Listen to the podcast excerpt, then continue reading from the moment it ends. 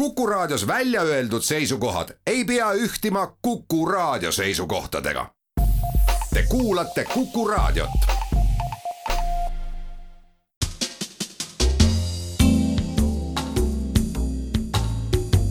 tarkade klubi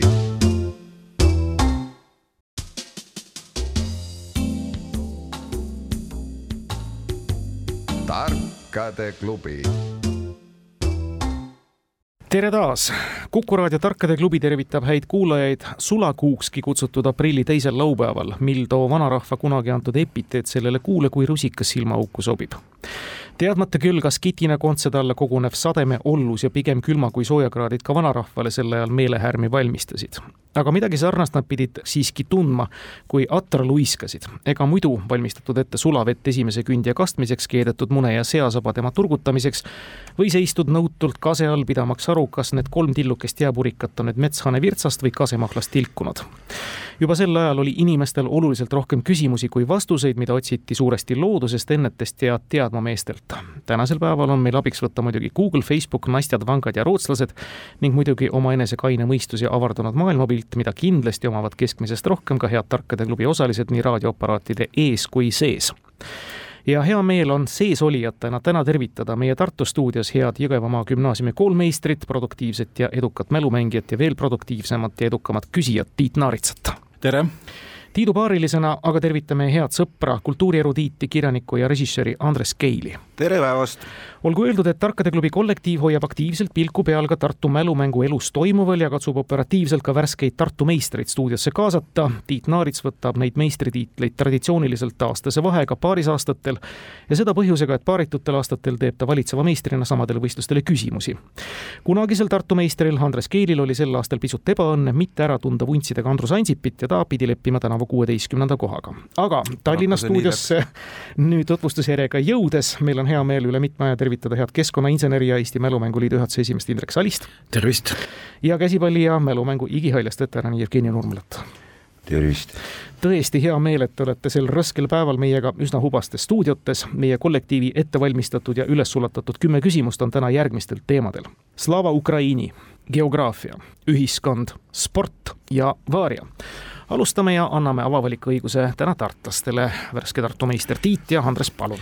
teen siinkohal väikse õienduse, et paraku vahepealsed keerulised ajad äh, tingisid selle, et Anna-Linda Tombi valitsusaeg Tartu meistrina tema aasta kujunes ainult poolaastaks. septembris ta võitis ja juba aprilli algul pidi Tiit uuesti jälle minu kätte andma tagasi. eks ma siis üritan niimoodi, et, et äh, järgmised meistrivõistluseks järgmise aasta sügisel, et siis mina saan omakorda poolteist aastat olla meister. aga kui, kui Tiit siin juba nüüd õiendusi hakkas äh, jagama, siis ma ka esitaksin ühe vabanduse äh, hea naabrimees Andrus Ansipi ees, keda ma tõesti vuntsidega ära ei tundnud.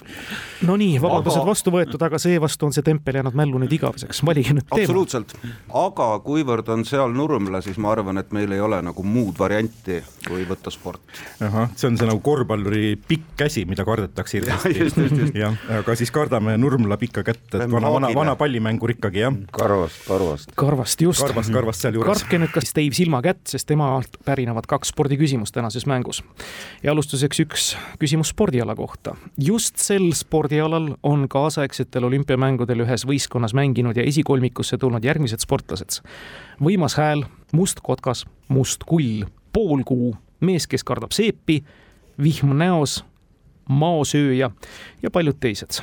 olgu vihjeks öeldud, et seda mängu on olümpiamängudel mängitud kokku viiel korral ja reaalne võimalus on, et seda saab näha taas kord aastal kaks tuhat kakskümmend kaheksa Los Angeleses. Tiit siin kirjutab lacrosse, mina arvan, et see on see seitsme mehe rägbi ja need on Uus-Meremaa, need ei ole või? ei ole, seitsme mehe rägbi on juba kavas, vaata, et no viis korda olnud? ei ole teine kord oli nüüd kaks tuhat kakskümmend üks. ja, ja Fitsi, oli... Fitsi on kaks korda võitnud, äh, Lacrosse on väga-väga ammustel aegadel olnud ja see on just see äh, indiaani juurtega ala.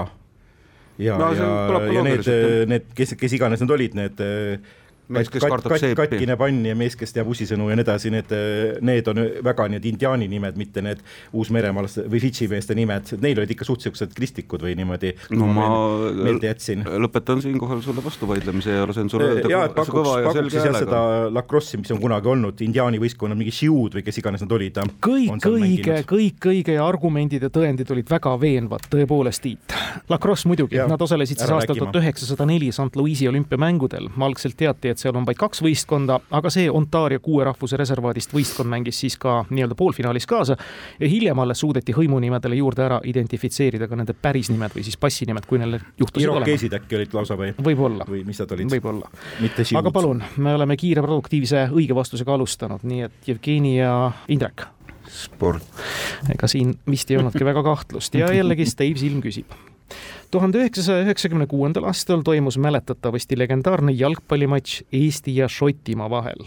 lisaks sellele, et see läks ajalukku mänguna, kus Kadriorust tulid väljakule ainult vastased staadionil, kellele määrati esialgu ka kolm-null võit, mis läks hiljem tühistamisele, tõi see konkreetne episood kaasa ka ühe konkreetse FIFA reeglite muudatuse, mis kehtib tänase päevani. millise? No siis oli see mingi kellaajaga ja valgusega seotud, eks ole, see nojah, et seal selle aga... valgustamisega, staadioni valgustamisega, aga mis see muudatus siis kunstvalgusega peab ju mängima igal juhul, eks ole. ei no sa seda... pead mängima siis loomulikult, kui pimedas ei mängi, et noh, et ega ju, aga igal pool ju läheb erinevalt pimedaks. selles mõttes, et kellaajaliselt nagu ei saa panna vist. jah, ma mõtlengi, et ajapiirid peale üht-teist õhtul enam ei mängi, eks ole, et seda vist nagu ei ole. ei no see midagi sellist. arvatavasti mitte jah, jalgpall pole. ühe FIFA reegli muudatus, oli mitmes reeglit.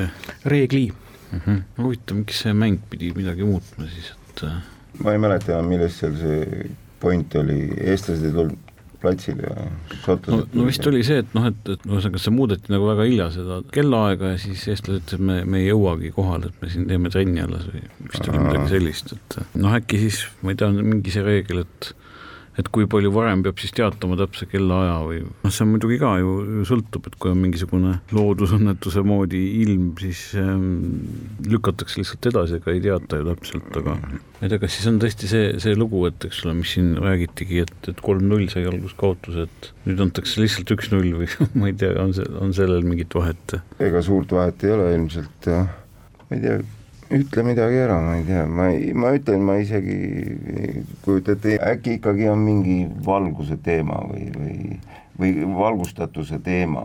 no et mõõdest, mõõdetakse üle näiteks luksi, luksid, eks ole, et muidu on niimoodi, et üks ütleb, et on valge, teine, teine, et pole häda midagi, et noh, et tehakse siis mõõt, mõõtmine konkreetne võib-olla nüüd ei ole see kahjuks õige vastus. Tiit ja Andres. no nägid sa? ei no ei olnud teha midagi. ei, mõelnudki, ei mõelnudki midagi selles plaanis peale rohkem kui nemad. nojah, ühesõnaga me mõtleme siin selle peale, et, et see valgustusega seal see küsimus oli, et ma nüüd päris täpselt ei mäleta, kuidas see käis seal aga üks variant, me veel ei vasta, me siin niimoodi arutleme, üks variant on see, mis on nagu lihtne variant, et kas alates sellest mängust siis on üks variant on see, et kui loomulik valgus on piisav, siis ei pea olema staadionil äh, kunstvalgustust või teine variant on siis see, et et vastu okselt, et just nagu alates sellest mängust võttis FIFA vastu reegli, et igal juhul peab staadionil, kus äh, mängitakse ametlikku valikmängu või turniirimängu olema kunstvalgustus, mis sa arvad sellest, Tiit? No olen sinuga nõus, kuigi see läheb üsna sinna Tallinna meeste vastusega samasse auku, aga, aga see on, see on nagu see oli hästi, hästi, hästi vormistatud. lihtsalt hästi vormistatud. see kõlab reeglina nagu päris hästi, jah. see oli nii särav vastus. kahjuks see punkti ei too. see lugu seisnes siis selles, et šotlased, olles näinud staadioni valgustust toona üheksakümmend kuus Kadriorus, ütlesid küll, et nemad õhtul ei taha mängida, sest et nad ei näe platsi peale midagi ja nõudsid selle mängu varasemaks toomist kella kolme peale eestlased ei olnud selleks ajaks valmis, staadionile ei tulnud. FIFA muutis reeglit, et mänge ei tohi enam algsest kellaajast varasemaks tuua mm,, hilisemaks võib küll lükata, aga mm, ettepoole okay. mänguaega tuua ei tohi mm.. seesugune reegel see küsimus jäi vastuseta ja Andres Tiit, te saate valida nüüd nelja teema vahel, mis no, jääb. ütle, ütle sina. populaarse teema võtame või? võtame. Slava Ukraini. Slava Ukraini esimene küsimus. Ukraina iseseisvus ja sõltumatus Venemaast on praegusel hetkel küsimus, mis otseselt lahinguväljal otsustatakse. ent erinevates vormides on selle sisuline saavutamine juba kõikidel nendel näilistel rahulikumatel aastakümnetel Nõukogude Liidu lagunemise järel juba üles kerinud juba aastal tuhat üheksasada üheksakümmend kolm võttis Ukraina valitsus paljude teiste hulgas vastu ühe esmapilgul ehk vähetähtsa, aga süvenedes olemuslikult fundamentaalse otsuse, milles Ukraina suveräänsuse kinnitamiseks loobuti teatud kontekstis adhessiivist. ja adhessiiv asendati millegi muuga. millest loobuti? mille kasuks, öelge selges eesti, vene või kui soovite, ukraina keeles hmm.. ajaloo ja ühiskonnaõpetuse õpetaja, mis asi on adhessiiv? Mulle kõlab ta nagu mingi keelekääne või midagi siukest. see on adjektiiv. jah, et ütleme, et, et see on, see on nagu siin, nagu kõlab nagu ütleme. ja obsessiiv peale, on ka natuke teine. absoluutselt, sellest vaevat äh,. loobuti adhessiivist ja, ja mille kasuks no aga hakkame kuskilt arutama. hakkame kuskilt arutama jah, et, et äh, äkki see on kuidagi nagu kuuluv, see defineerimine millegi kaudu? no aga äh, minnes sinna, et mulle, kuna mulle meeldib et see seostub mulle keeleterminiga, et kas ei olnud, kas nad ei kasutanud äh, ennem täiesti läbivalt kirillitsat ainult ja läksid nüüd üle, üle sellele, et vaata, neil on see i näiteks mm -hmm. teistsugune ju. no kahe täpiga ka, eks kahe mm. täpiga ka, et võib-olla see. no mingid tähed on veel. võib-olla neil ei olnud äh,, ei olnud siis üldse seda ju varasemalt. tahad väita, et kirillitsa i on adhesiiv või? jumal seda teab. no fundamentaalne otsus ei ole i kuju. ja ma mõtlen, et see, see pigem on äh, ministeeriumi mingi rida, eks ole, et mm -hmm. kui, või siis lausa parlamendi rida, et, et mitte valitsuse rida ja teatud kontekstis oli see. millegist millegi kasuks adhessiivist millegi kasuks. On jah adhessiivist millegi kasuks. Ja adhessiivist ka teatud kontekstis. Ja esmapilgul väheoluline, oot-oot-oot-oot, noh, no neid asju ei saa olla ju palju, no selles mõttes, et see ei ole vapp, lipp äh,, riigi nimi on nagu ikkagi üks variant et, et kuidagi. noh, riigi nimi isegi pole paha variant sinu, sinu suust öelduna, et seda täitsa võiks, võiks kaaluda. jaa, aga see ei ole nagu esmapilgul vähetähtis jah, selles mõttes küll. kui sa ikkagi vahetad riigi nime, mind see mitte ei sega, vaid mind intrigeerib ausalt öeldes see fundamentaalselt oluline, see peab olema ikkagi mingisugune just nagu juriidiline nagu tühiasi, eks, aga kas see omakorda, kas see ei või olla siis kuidagi nagu jälle geograafiline nagu kas mingi riigi osa või, või, või või mingi rannikuala või? Nad minu teada ei ole paraku vahetanud sellel ajal midagi, et sealt need jamad kõik tulevad. kuule, aga äkki see siiski on mingit pidi ka nagu kirjapilt eh, ehk vaata, kui sa mõtled nagu Dnipro, Dnepr, Lvov, Lviv ehk siis no,. et, et ühesõnaga, et siis need nii-öelda ukrainapärased nimed, Krivirih, eks ole, ja nii edasi. Krivirih. Krivirih, jah. võib-olla see tõesti et mind, mind ikka painab see keele küsimus kõige rohkem. no ja kaua me siin nagu selles mõttes kokutame, et järg, järge kinni hoiame. jah, ütleme siis, ütleme siis nii, et ähm, see fundamentaalne otsus äh, selle tulemusi näeme vaadates tänapäeval, täna Ukrainas äh, välja antud maakaarte võrreldes siis tuhande üheksasaja üheksakümne esimese aastaga näiteks. kaunis, sellega on tempel löödud, paraku hmm. see punkti ei anna, nii et Indrek ja Jevgeni. see oli nii ilus. jah, jällegi jah, juba jäime kuulama ja mõtlesime, et selle, sellega, sellega see küsimus lõpeb ja vastuse ka, aga jah, näed sa ja aga vaata see suveräänsuse kinnitamiseks, et see oli ka mingi sihuke. nojah, vaata. oleks tore teada küll, mis asi on adhessiiv et ega see tuumarelvast loobumise leping ju nagu see oli midagi muud, et see ei saa öelda, et tuumarelv on adhessiiv sul, eks ole. see on agressiiv. just, ja noh, see on nagu, oleks nagu mingit pidi sõjalise termini moodi, kui eks ole, kaitse on ofensiiv, eks ole, ja Aha. aga siis üheksakümmend kolm. ta loobus jah, tuumarelvast jah. aga no ma ei tea, kas see on esmapilgul vähetähtis või see on ikkagi nagu no ta ütles fundamentaalne ja nojah, see tuumarelvast loobumine ei ole just nii vähetähtis fakt või esmapilgul. Budapesti leping jah mm., no mille kasuks, no siis oli ju ikkagi ka selle kasuks, et äh, garanteeritakse suveräänsus, eks ole, mida siis noh, see, see vist oligi tegelikult see, et äh, mingi Mit- tingimus oli ju see äh, tuumarelvadest loobumine. no just jah, et kuna me nagu muud ei tea, siis võib-olla saab kuidagi tuumarelva niimoodi adressiivist eks nimetada. vaat ei saa kahjuks, adessiiv ikkagi Tiidu kõrv ei petnud, see on üks Keeleline. väga keeleline asi, adessiiv on nimelt täpsemalt öeldes alal ütlev kääne ja mis siis asendus, ukrainapäraselt see na Ukraini või venepäraselt na Ukraine, selline lähenemisviis kajastab lähenemist Ukrainale kui alale, kuhu võib peale minna ja mille all peal võib olla.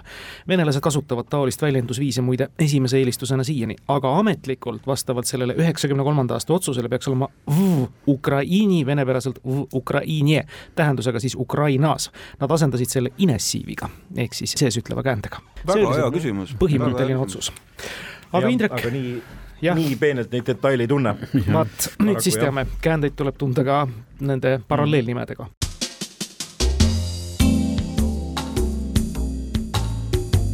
tarkade klubi.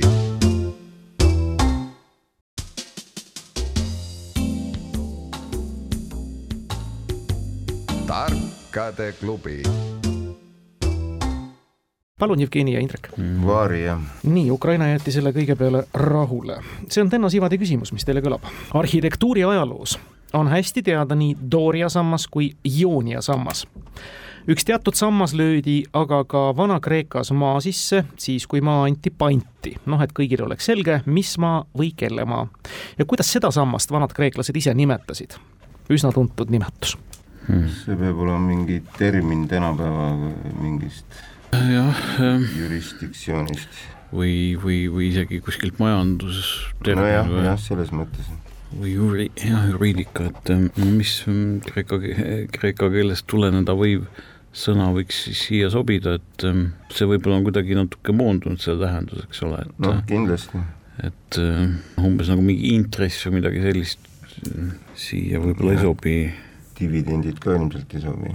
diviide, et äh, jah, need vist tunduvad rohkem sealt nii-öelda Roomast pärit olevad äh, ladinakeelsed nimed, aga Kreeka keelega on üldse sihuke keeruline lugu, et noh, enamus asju tead noh, põhimõtteliselt ladina selle põhjana.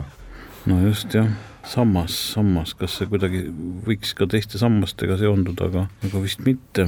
küsija on küsinud eh, sellepärast, et see on tuntud mõiste. ilmselt küll jah, ja aga lihtsalt me ei ei tea seda selles ei kontekstis, selles kontekstis jah. aga jah, kas siin on mingi loogika, kuidas sinna välja jõuda, et maa panti panek, oota, aga see, noh, ma ei tea, deposiit võiks ju, deposiit ja võiks ju ka nagu sealt see võiks soojem olla vähem jah. või siis noh, mingisugune märk, mida, mida nagu, nagu kuskilt kaugelt peaks nagu, nagu märkama, näed, see teevas on siin püsti, et äh, maa on panti antud, et äh, väga häid, häid mõtteid kohe ei tule, jah. jah, no krediit, eks ole, aga, aga noh, see kõik kõlab ikkagi väga ladina, ladina ei no see on selge. noh, milliseid jah, sobivaid võõrsõnu siia veel, veel tuletada, et ähm, kreeka keeles, mis, mida me üldse teame kreeka keeles? nojah, kust, kust pihta hakata. ma võin, ma võin teile öelda, kuidas põllumees kreeka keeles on. Äh, reklaam re,, reklaam, kust sõna reklaam on tulnud, aga, aga vaevalt küll, et äh, reklaamos, reklaamus nüüd võime igalt poolt. tegelikult see reklaam on ju eesti keeles kuidagi väga huvitav sõna, et vot muidu on advertisements, eks ole, inglise keeles ja Mhm. aga see on tegelikult noh, me oleme nüüd tegelikult ju vastu seina surutud praegu. no ütleme ära, et äkki see kõlab kreeka keeles jah, reklaam. ei ole reklaam, nii, noh, kindlasti ei ole see Korintose sammas, eks ole, selle nalja ju pidi siin tegema praegu, et meil on siin ka käinud mingisugused eh, territooriumid, krediidid, aga, aga Tiidul on üks mõte, mis võiks olla nagu kreekapärane, mul on üks mingi jube kauge kolmene, ma ei tea, kust see võiks nagu tulla, aga presenteeri Tiit. ütleme, et see küll läheb väga otseselt sinna, aga minu hinnangul võiks olla see nagu kreeka sõna, et, et minu teada on igasugused pinakoteegid ja nii edasi pärit just kreeka keelest, et siis mul on nagu tuli mõte pähe, et äkki on see hüpoteek. õige, see on hüpoteek ehk siis põhimõtteliselt sama tähendus, mis ka tänasel päeval panti antud maa või kinnisvara siis laiemalt ja kauge kolmene tabab nagu ikka Jõgevamaal. no see on isegi nii väga kauge kolmene, et No. no. Keili oma olid, olid natuke hullemad variandid, aga ja mul on natuke kaugem jah. aga jätame selle sinnapaika järgmiseks kiskeks siis. Tartu teine punkt pärast nelja küsimust. Olete siis ka kahega ees ja saate teema valida. kas võtame selle teise slaava või? ma arvan küll, mina arvan küll, jah. ja, ja teine Slava Ukraini. nagu ühes meie eelmistest mängudest Kaarel Silmato ühe arutelu juures tabavalt viitas, on Ukraina esimese järgu haldusüksused ehk siis enamuses oblastid nimetatud peamiselt selle keskuseks oleva linna järgi muidugi on siin erandeid, Krimmi autonoomse vabariigi keskuseks siis Simferopol, Kirovgradi oblasti keskuseks on Krõpõvnitski, mis muide kandiski eelmises elus Kirovgradi nime, ja Dnipropetrovski oblasti keskus on Dnipro, mis samuti siis Dnipropetrovski eelmine nimetus oli. aga nimetage need kaks Ukraina oblastit, mis on saanud nime ajaloolis-geograafilist printsiibi järgi ja mille keskused ei ole kunagi kandnud oblasti nime. Põmaki no siin mõeldakse ilmselt neid, äh, neid läänepoolseid asju, vaata, see on seal, seal on Volõõnia. jah, see üks... Volõõnia, Volõõnia keskus on Vinnitsa või? noh, see Vinnitsa vist omakorda jälle ei ole väga, väga, väga läänes et see on pigem seal kuskil no ta jah, tuleb tunnistada, et nüüd on, nüüd on see, et, et see Ukraina geograafia väga kurvameelselt peab tunnistama jah, et Ukraina geograafia on saanud selgemaks kui kunagi varem. saanud, aga, aga ta ei ole nii, nii selge enam, eks ole, et et jah, et Volõõnia ja mis seal siis veel oli. kus sel..., kas Pannonia on äh, ei, ma arvan, et see on pigem mingi Karpaatidega seotud asi, Karpaatia, aga mitte Taga-Karpaatia, vaid siis, või on isegi see või? no Karpaadid ise on lihtsalt mäeohelik, Karpaatia. aga mingi Taga-Karpaatia on, et, et et eh, kas ta nüüd on Ukraina oma, pigem on.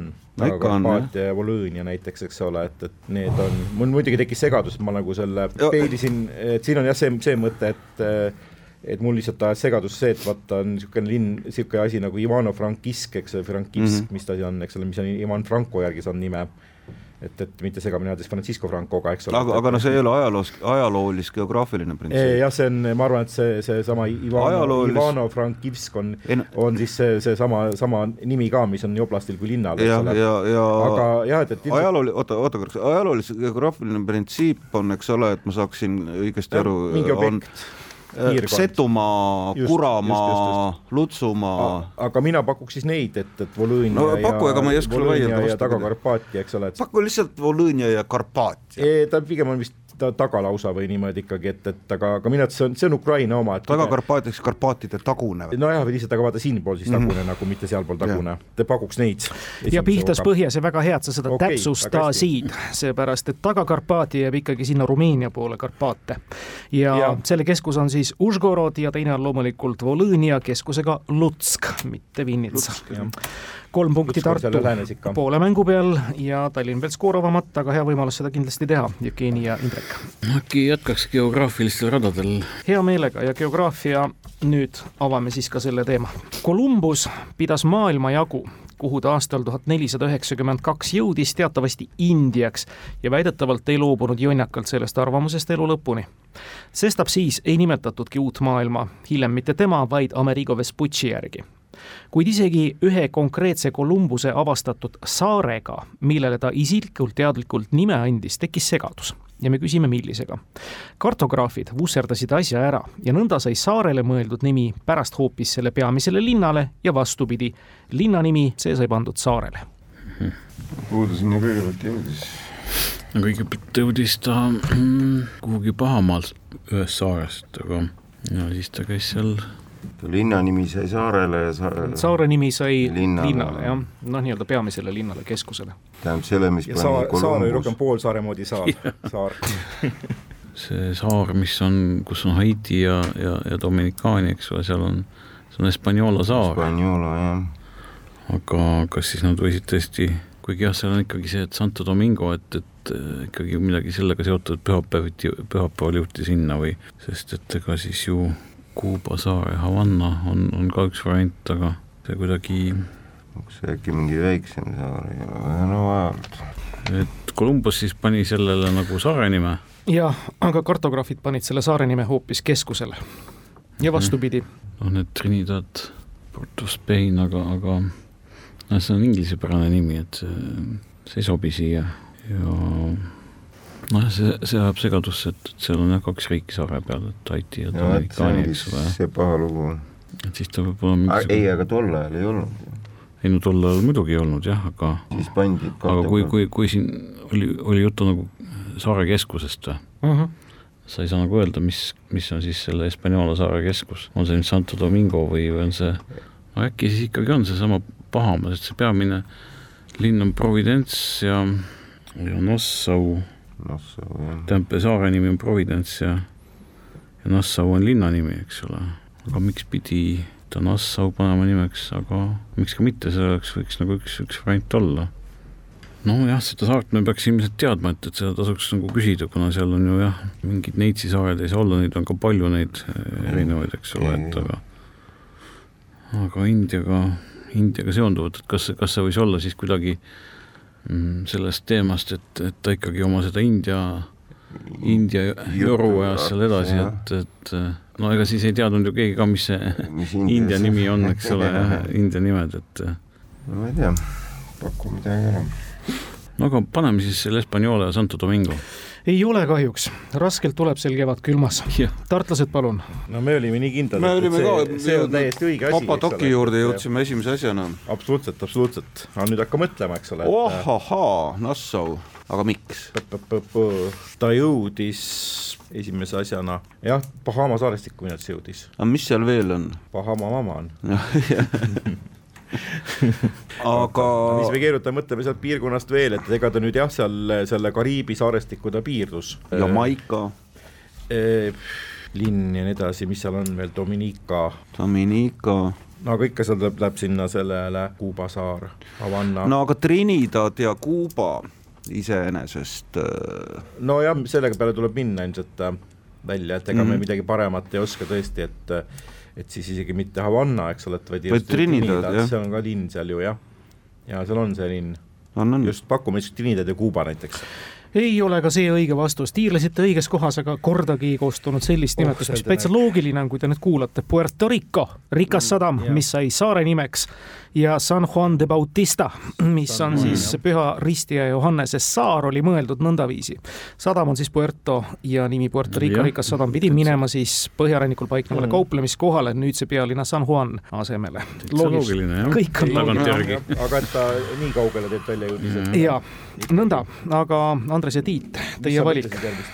ühiskonda mõtlesime jaa ühiskond ja avame ka selle teema, nüüd on kõik küsimused kuuldud kuskilt. ajakirja Time aasta inimesi valitakse teatavasti juba üheksakümmend viis aastat järjest. mulluna vastava tiitli pälvinu oli teatavasti imemees Elon Musk mõnel aastal on laureaate rohkem kui üks olnud, näiteks aastal kaks tuhat kuus, kui selleks olid sina ehk iga internetikasutaja. esimest korda sai kaks inimest samal ajal nimetatud juba aastal tuhat üheksasada kolmkümmend seitse. Hiina valitseja generalissimus Chiang Kai-shek ja tema abikaasa Song Meiling. kuid on esinenud ka kurioosne pretsedent, kus Taimi aasta inimesteks on kohekesi korraga kuulutatud nii uurija kui uurimisalune ja nimetage, kes need kaks olid küsitava uurija perekonnanimi on sama, mis ühe maailmakuulsa muusikaartisti pseudonüüm. uurija ja uurimisalune. okei okay,, hakkame sealt otsast minema, esimene pseudonüüm, kes mulle pähe tuleb, on Prints. kes võiks olla uurija, kes on Prints ja keda uurida? Uurija ja uurimisalune popartist pseudonüüm. ühiskond on teemaks.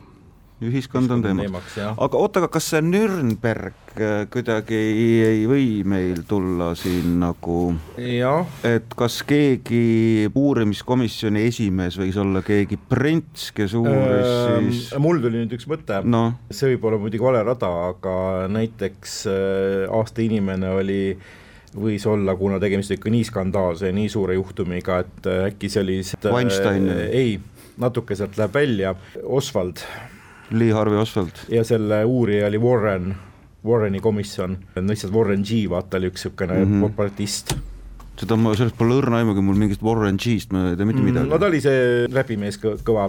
aga Watergate, kui me läheme nagu seda rida Watergate'is olid need äh, need kaks äh, venda juudi nimedega Woodward ja Weinstein mm. -hmm. mingi niisugune, et ühesõnaga need ei ole see O.J. Simpsoni juhtum näiteks, aga seal uurijat ma ei mäleta, seal oli see Kardashian oli, Kardashianide papa, ühesõnaga see, kes oli see esimene nii-öelda päris isa nii-öelda enne Bruce Jennerit või kuidas iganes seda nüüd nimetada. oh issand jumal, mida ei, kõike sa oskad rääkida. see on tuntud asi, see on tuntud asi aga jah, et, et seal võis neid juhtumeid veel olla, nüüd mõtlen, et mis need on. aga see Lindebergi lapserööv äh,? Lindebergi äh, lapseröövi uurija oli tuntud mees küll nime mõttes, Norman Schwarzkopf kes oli hiljem, kes oli aga siis oleks meil vihjatud šampoonifirmale, eks ole. hiljem oli samanimeline kindral, lihtsalt mm -hmm. see, ta uuris Norman Schwarzkopf jah, aga see ei ole, see ei ole popartisti nimi ju. no ütles, et peab midagi väga skandaalset olema stiilis, et tõesti Lindbergi juhtum, aga see ei okay, klapi. okei okay,, aga lähme siis, nagu, lähme nagu sedapidi, aga lähme sedapidi, et hakkame et hakkamegi mõtlema, äh, vaata, kui uurimisalune on aastainimene, eks ole, siis see ei saa olla, ütleb igasugune loogika ütleb, eks see ei saa olla mingisugune a la O.J. Simpson, Simpson või saad aru, see uurimisalune ei saa olla eee, nagu kurjuse kehastus, eks ole, saad aru no,? Clinton näiteks saab olla, Clintonit uuris, ma ei tea, mingi Kenneth Starr oli see tüübi nimi Ringo Starr, Kenneth Starr, Clinton, nii jääb. geniaalne, kahe peale tuli ära, see on tõepoolest, see oli suurepärane tuletis. Bill Clinton ja Kenneth Starr aastal tuhat üheksasada üheksakümmend kaheksa, eriasjade prokurör Starr. mingi see ei ole mingi väga ammune ega väga tundmatu asi. absoluutselt ja no pseudonüüm missugune ja ma arvan, et Ringo Starr on maailmakuulus artist tõepoolest. Levinski afääri ja presidendi muude probleemsete tegude uurimisega Clintoni impeachment'i valmistas ta ette, aga senatis ei läinud see läbi. ja nagu öeldud, Richard Starki on siis tegelikult Ringo Starr. nii, see tuli hästi ära, neljas punkt teile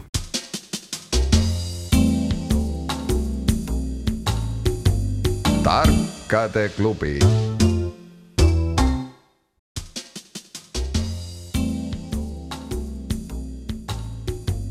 tarkade klubi. Tallinn valib, Indrek Jevgeni. no võtame selle teise geograafia. me oleme teile äärmiselt tänulikud ära täna veel ette.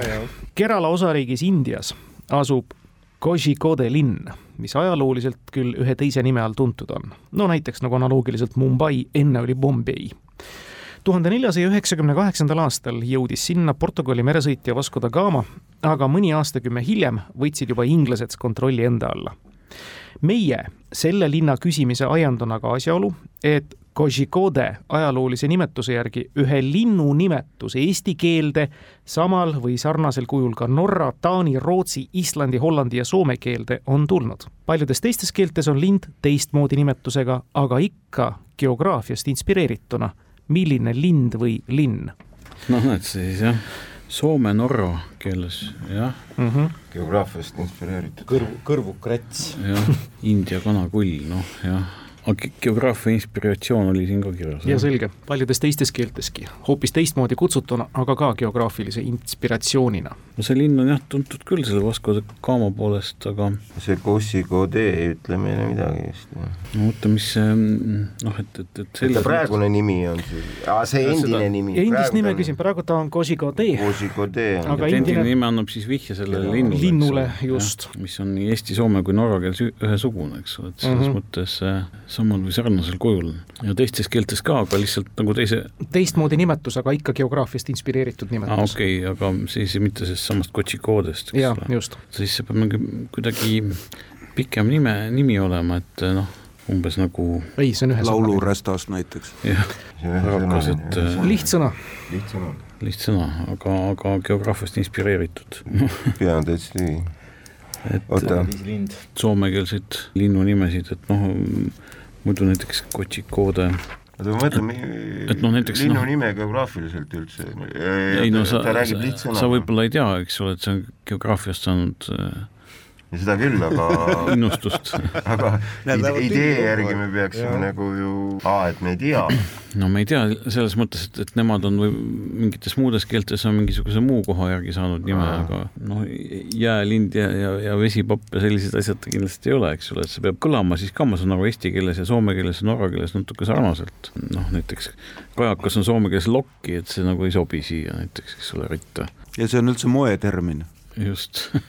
Et ähm.... ei no harakas, vares, ronk, noh, siis mõtlevad selle peale, kus, kus raadios me praegu oleme. jah.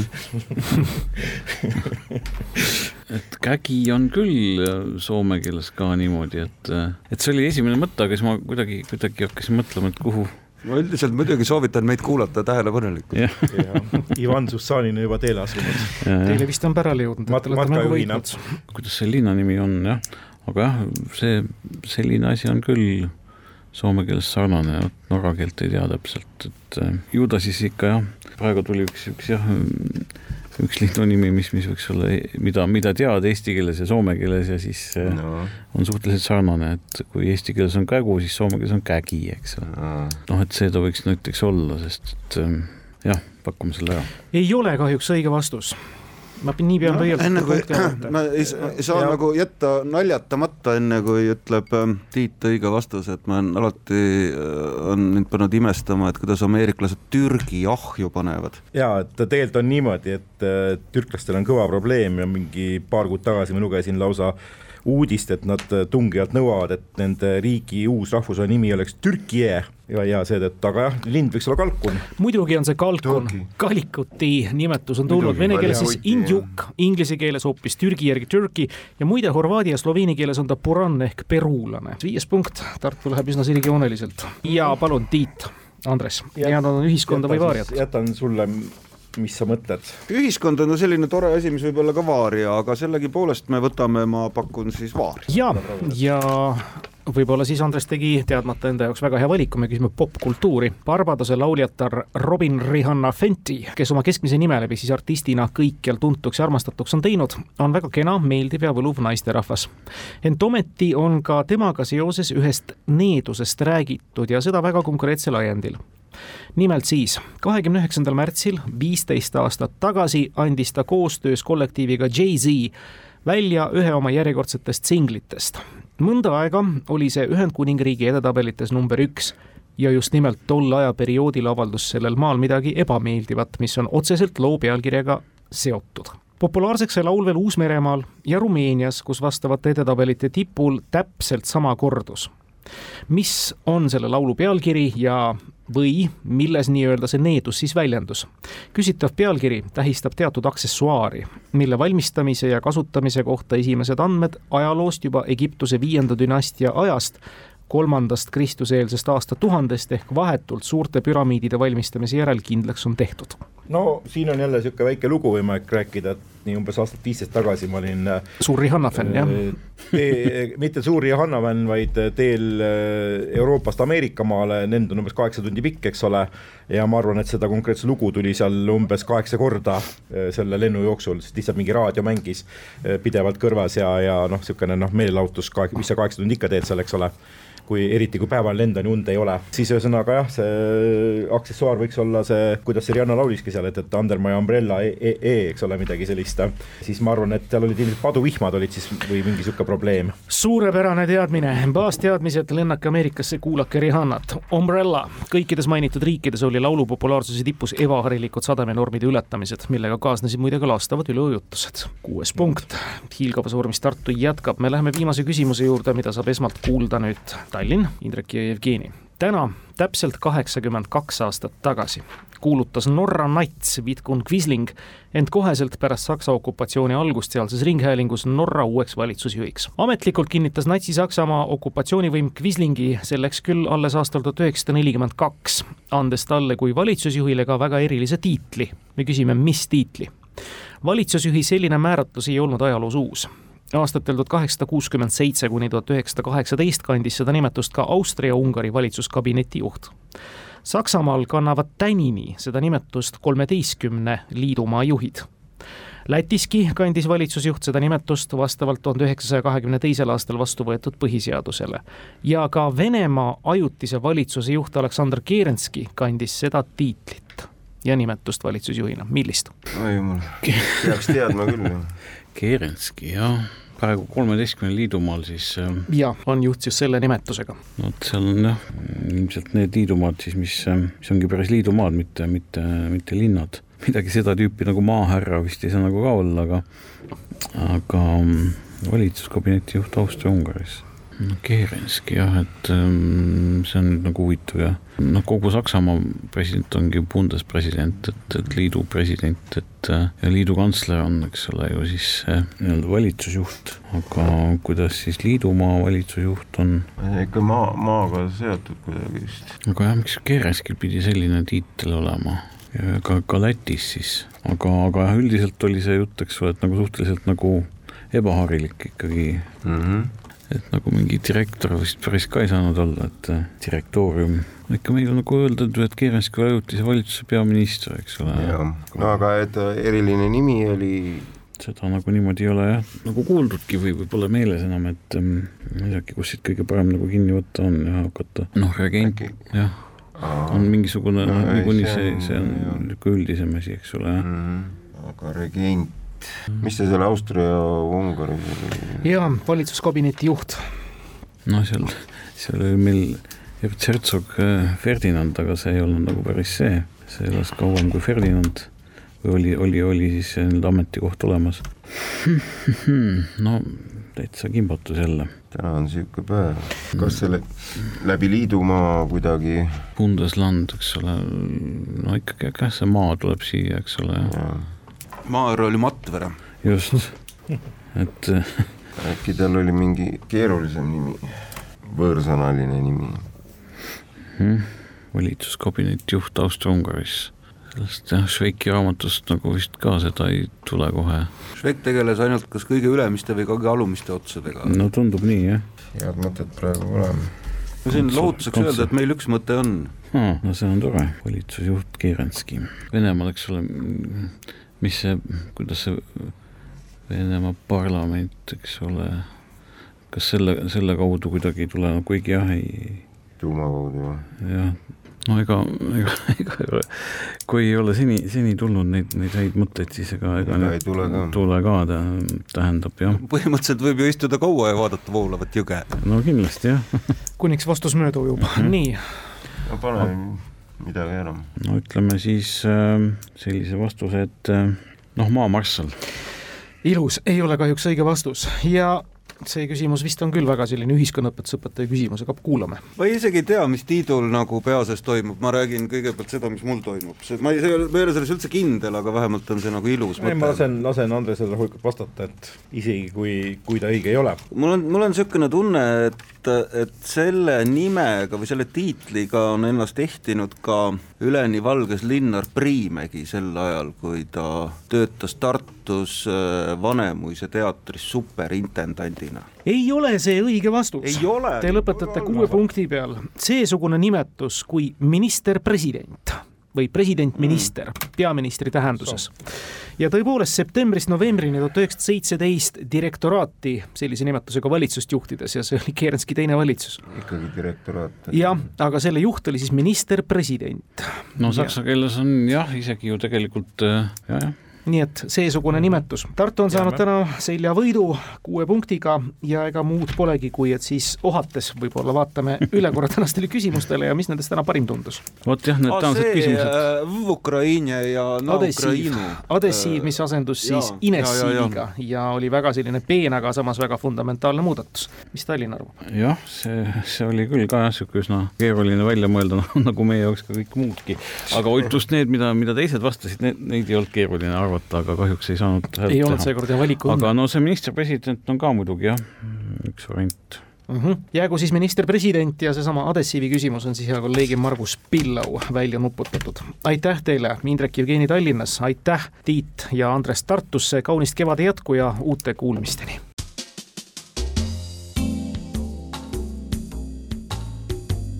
tarkade klubi